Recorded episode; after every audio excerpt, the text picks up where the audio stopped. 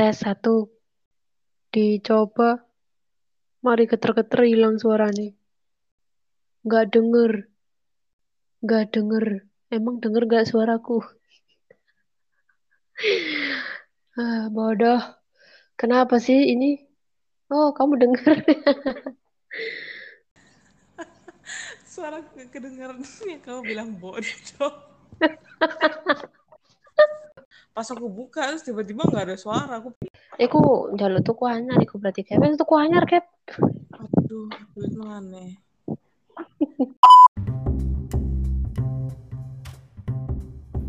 Oke. Aku mendengarmu. Oke. Oke. Selamat malam buat para pendengar podcastnya Vaksin DPT. Jadi ini episode episode yang kedua, eh episode yang ketiga, no. Episode yang ketiga, tapi topiknya yang kedua. Karena yang pertama itu kayak aku pembuka, aku pembukaan. Iya, aku udah udah dengar dari pembukaan Sudah. terus Pembukaan. eh, terus episode yang kemarin di upload Iya, eh hari ini. Kemarin Iya ya, hari ini hari ini. Hari Ah, ini. itu. Hari. Ya, halo teman-teman. Jadi ini em, topik yang kedua dari podcast eh, PDT. Kabarmu gimana? Kabarku untuk secara physically aku sehat. Oh, yes. Uh, tapi secara mental itu sebenarnya up and down karena ya mungkin apa ya mungkin yang ini yang dinamakan dengan quarter life crisis mungkin jadi Wow. ada komponen itu terus ada komponen dari luar sana Hmm.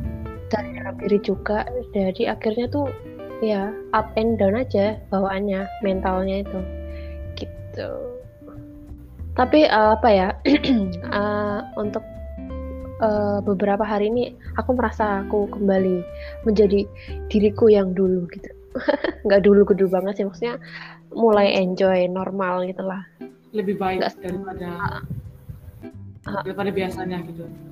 Ha-ha. Karena eh, mungkin ada mungkin sekitar ya dua tiga minggu yang lalu itu kayak itu tuh eh, aku kayak masuk di dark hole gitu kan. Jadi kayak aku masuk lubang gelap sampai aku nggak tahu mau ngapain aku harus bagaimana aku ke siapa peganganku siapa. Pokoknya kayak benar-benar suram gitu kan. Jadi ya itu tuh kayak masa-masa paling kelam yang pernah aku rasain selama aku hidup 25 tahun ini. Gak nyangka udah 25 tahun hidup. Puji Tuhan. Puji Tuhan masih bernapas. Iya. Kalau ngomong secara kayak mentally, ya kalau bukan aja ya kayak mentally kamu nggak oke. Hmm. Kamu kenapa sih kamu ngerasa kayak mentally kamu nggak oke? Mungkin bukan mungkin ya. Ini tuh sebenarnya adalah eh, rasa-rasa yang emang udah aku rasain dari awal aku pindah ke sini gitu kan. Kayak bukan mau menyinggung, tapi bukan mau menyinggung soal budaya atau apa ya memang mungkin masih culture shocknya masih terasa aku nggak nggak sebebas ketika aku dulu sebelum aku ada di sini mungkin eh, kalau kamu teman-teman SD SMP yang memang udah kenal aku teman-teman gereja siapa pun itu yang mereka yang kenal aku mungkin aku dilabeli dengan dengan label Nona ini unik Nona ini beda Nona ini orangnya begini begini tapi ketika aku ada di sini seketika label itu lepas gitu kan dari aku. Label yang dikasih orang lain ke aku ketika ketemu aku yang sekarang kok anak ini aneh gitu kan. Kayak eh, apa ya itu jadi mempengaruhi eh, apa yang biasanya aku lakuin aku nggak bisa lakuin itu gitu. Itu yang bikin aku jadi sampai akhirnya mentalku down. Dan memang sih aku selama ini me- apa ya menekan mem- membuat dan memikirkan bahwa oke I'm fine.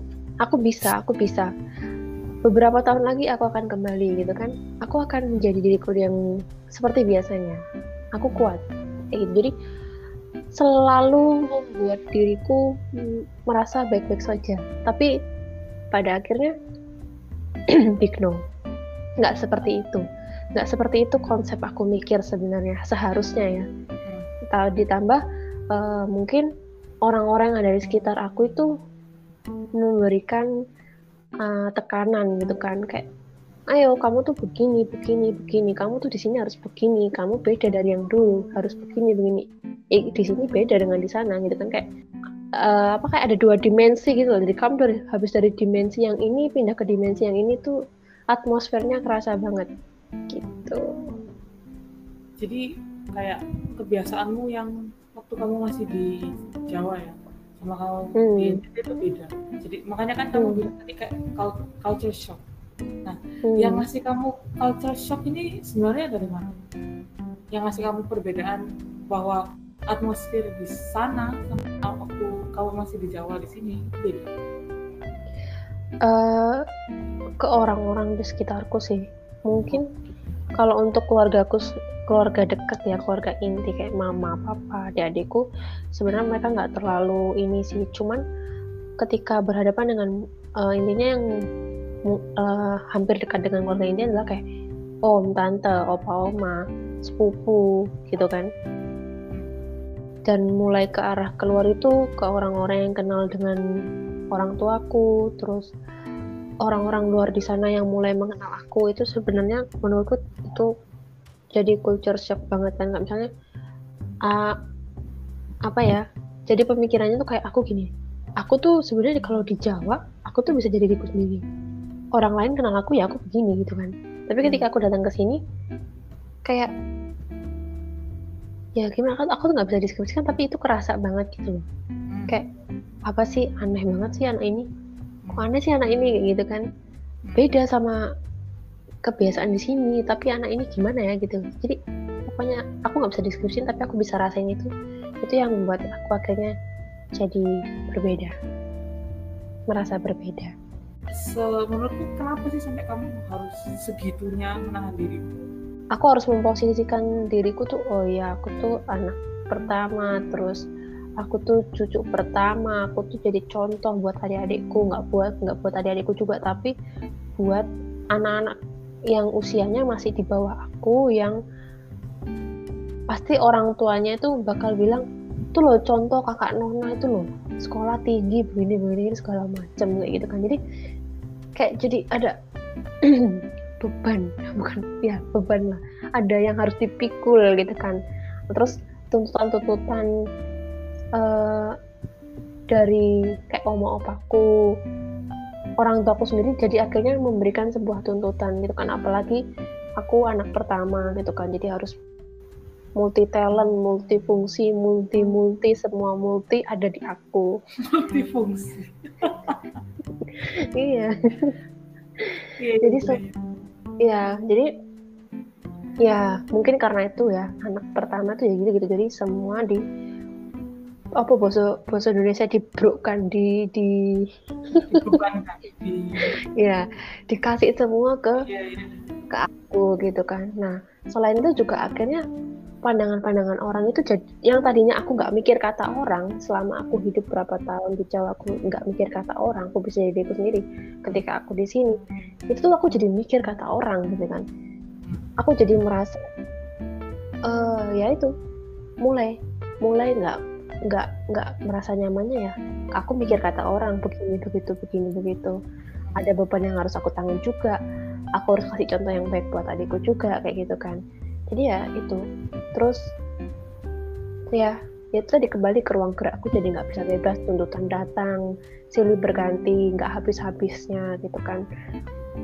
Ketika aku pengen ini tapi aku masih memikirkan kondisi orang lain gitu kan. Terus dapat lingkungan kerja yang sempet toksik juga. Jadi itu malah menambah menurunkan bukan menambah menurunkan kesehatan mentalku gitu. Jadi selama ini aku memang ngepus semua emosi yang ada. Jadi aku tahan tahan tahan tahan tahan terus sampai akhirnya ya itu hmm. nggak bisa ditahan lagi kena covid lingkungan toksik tekanan tambah bertambah bertambah mikir juga ya down.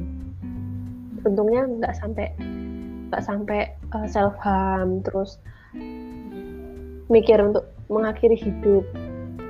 Gitu nggak sampai puji Tuhannya nggak sampai gitu.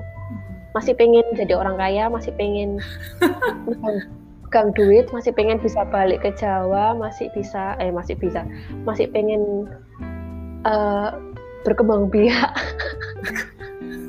Berkembang biak jadi um, ya ya untung lah. Maksudnya kamu nggak sampai kepikiran untuk self harm nggak kepikiran untuk kayak mm -hmm. punya suicidal thoughts. Maksudnya kayak berpikir untuk mengakhirinya. Juga memang karena nggak punya temen ya. Namanya juga dari kecil besarnya di Jawa terus ke sini nggak punya. Bukannya aku nggak mau bergaul bukannya aku nggak mau cari temen ya. Tapi karena di dalam kondisi aku tuh sebenarnya masih mencari uh, nyamannya gimana sih gitu kan. Aku selama ini masih mencari tapi ternyata masih belum ada yang istilahnya sefrekuensi gitu kan sama aku. Oh, itu jadi aku masih ya istilahnya tetap menggunakan kata aku nggak punya temen di sini gitu kan. Meskipun ya, emang orang orang-orang tempat kerja bukan temen ya mereka temen kolega kan? mungkin ya. Uh, kolega tapi frekuensinya belum nemu gitu okay. hmm. tapi aku masih aku masih bersyukur sih kayak uh, aku masih uh, bisa komunikasi sama kamu sama teman-teman SD ku juga SMP teman-teman kuliah jadi kayak aku masih masih punya apa ya secercah sedikit harapan yang ya ini loh ada aku masih punya orang-orang yang mau dukung aku masih mau komunikasi sama aku ya itu adalah sebuah harapan sih buat aku gitu. Ya meskipun ya penuh keterbatasan gitu ya. Maksudnya ya jauh kan. Tapi oke-nya kamu masih bisa ngelihat maksudnya kamu masih bisa bersyukur atas hal itu. Meskipun kayak kalau kalau mungkin orang yang jadi kamu bakalan lebih sulit kalau nggak ada dukungan yang kayak bisa mereka lihat yang bisa mereka pegang gitu loh tapi kenapa kok kondisi di sini itu nggak bisa kamu bawa seperti kondisi di sana gitu? Apakah karena faktor eksternalnya aja? Atau kamu memang nggak suka di sana? Dan kalau misalnya ada faktor eksternal apa yang bikin beda di sana sama di sini? Orang-orangnya umurnya ta atau cara berpikirnya ta atau gimana? Ya benar katamu. Yang pertama itu karena mungkin aku nggak mau bukan nggak mau. Bukan nggak suka nggak mau aja ya. Nggak mau ada di sini gitu kan. Aku oh. nyaman aku nyamannya di sana gitu kan. Ya okay. benar katamu karena urat uratku tuh udah putus gitu kan. Malu-maluin tapi masih punya temen gitu loh. Terus? Iya. Uh, jadi sampai sampai di sini tuh kayak ya ya nggak mau temen-temen yang atau kolega-kolega yang aku temui adalah orang-orang yang tahu malu. uh, ya tahu malu terus sudah berumur lebih dewasa lah konteksnya ya hmm. gitu kan. Yang dapat seumuran itu ya mungkin mikirnya apa sih belum nemu aku tuh sama yang seumuran tuh sebenarnya. Nggak tahu apa. Ya nggak. Yang kayak kamu dua dua lima lah dua empat hmm. dua enam gitu jarang. Uh, ada pun sudah beristri beranak. Oh, misalnya udah menikah hmm. mungkin punya punya cara pola pikir yang beda uh, uh, uh, kayak jadi susah dapat temennya di situ. Karena frekuensinya ya dari umurnya tadi sudah lebih tua lebih dewasa terus hmm. yang ada pun sudah menikah jadi pasti pola pikirnya berbeda. Adapun adapun yang lebih muda ya cara pemikirannya juga beda gitu kan. Jadi frekuensinya belum ada yang dapat dari semua yang selama ini aku temuin gitu. Bukan bukan maksud mau merendahkan seseorang atau orang-orang yang pernah aku iya. temuin, ya, tapi iya. Tapi itu yang aku rasain ya. Aku rasain. Mungkin di luar sana juga ada orang yang seperti aku, tapi gak gak bisa mengungkapkan itu ya inilah aku sekarang ngomong ya ya ini yang aku rasain gitu loh nah ini kan kayak ngomongin support system sesusah itu kamu dapatnya nah hmm. sekarang kan anggaplah nggak ada nih support system hmm.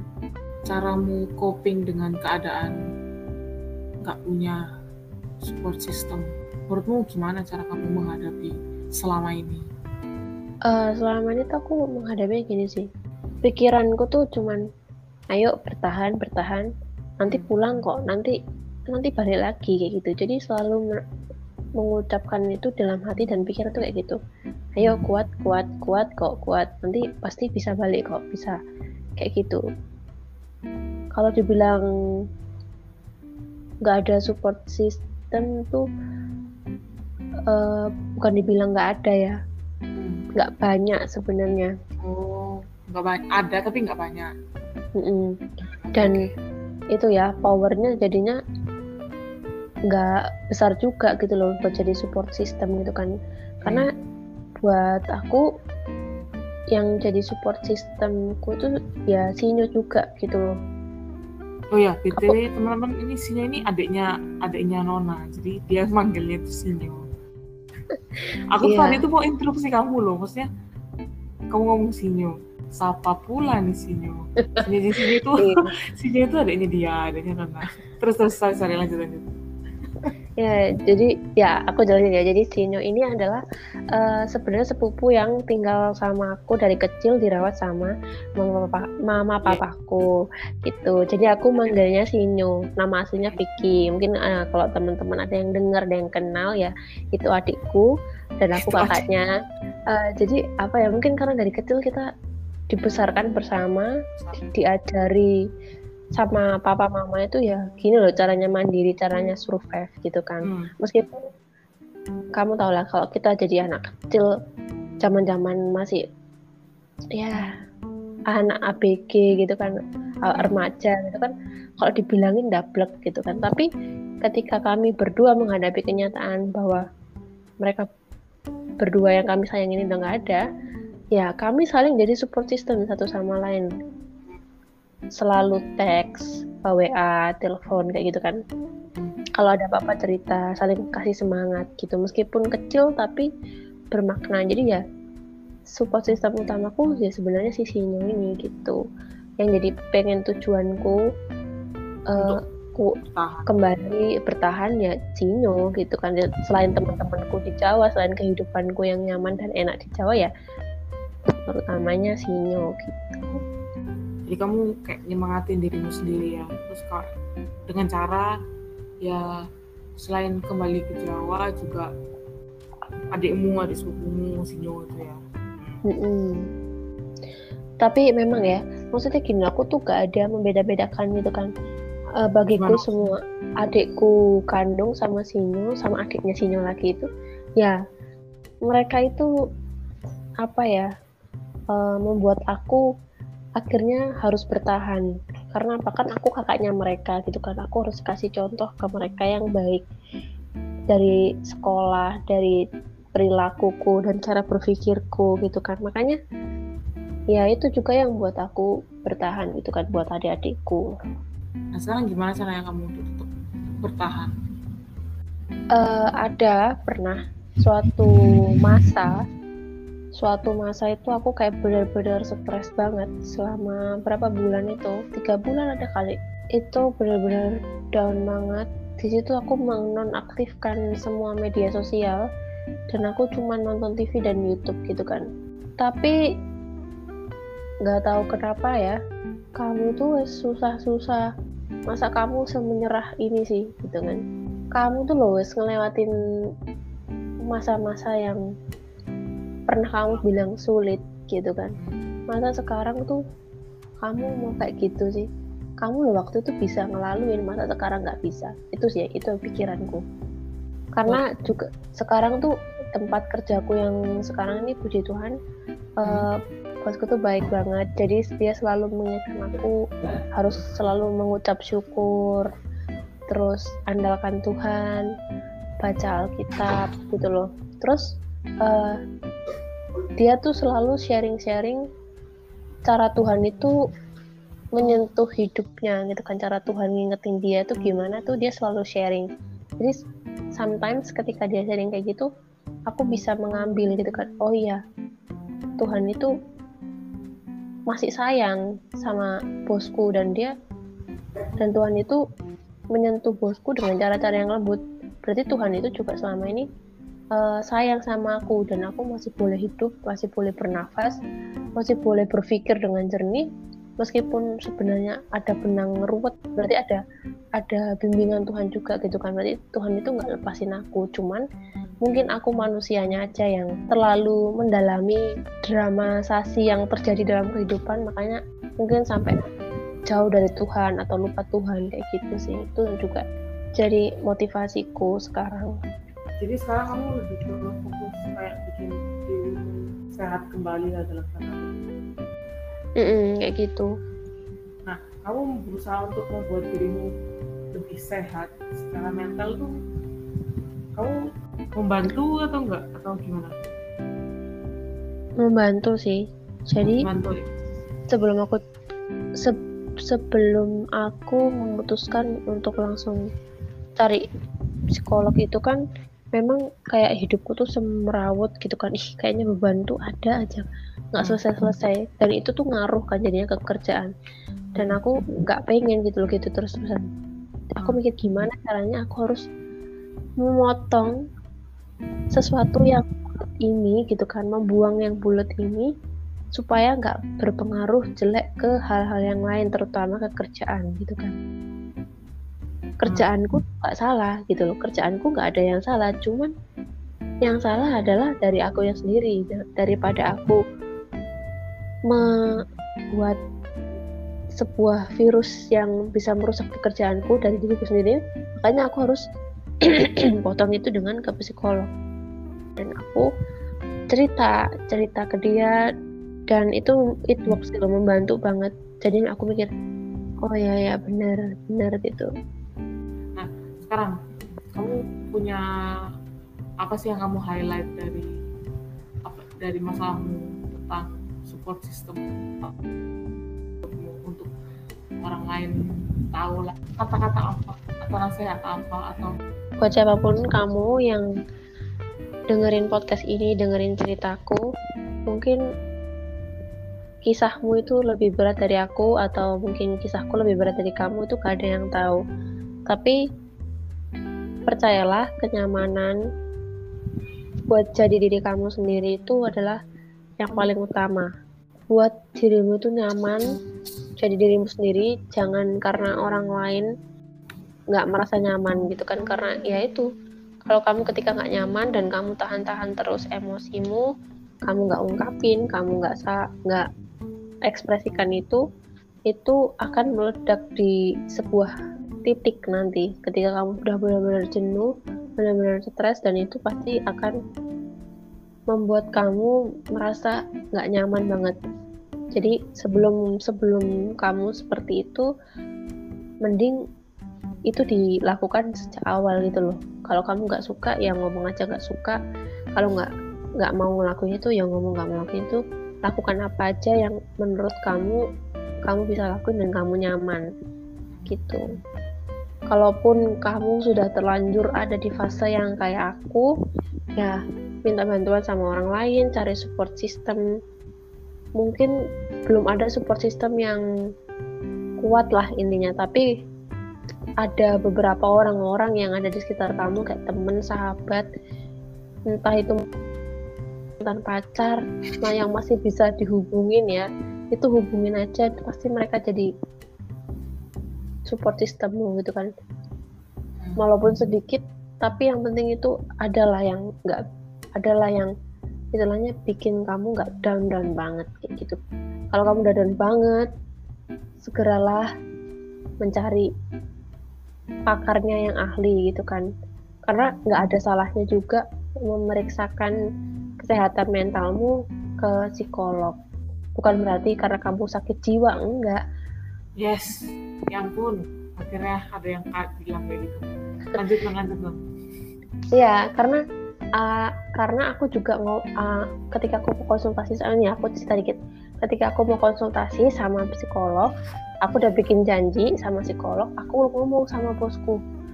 Uh, pak aku izin ya. Uh, satu sampai satu setengah jam aku mau konsultasi sama psikolog.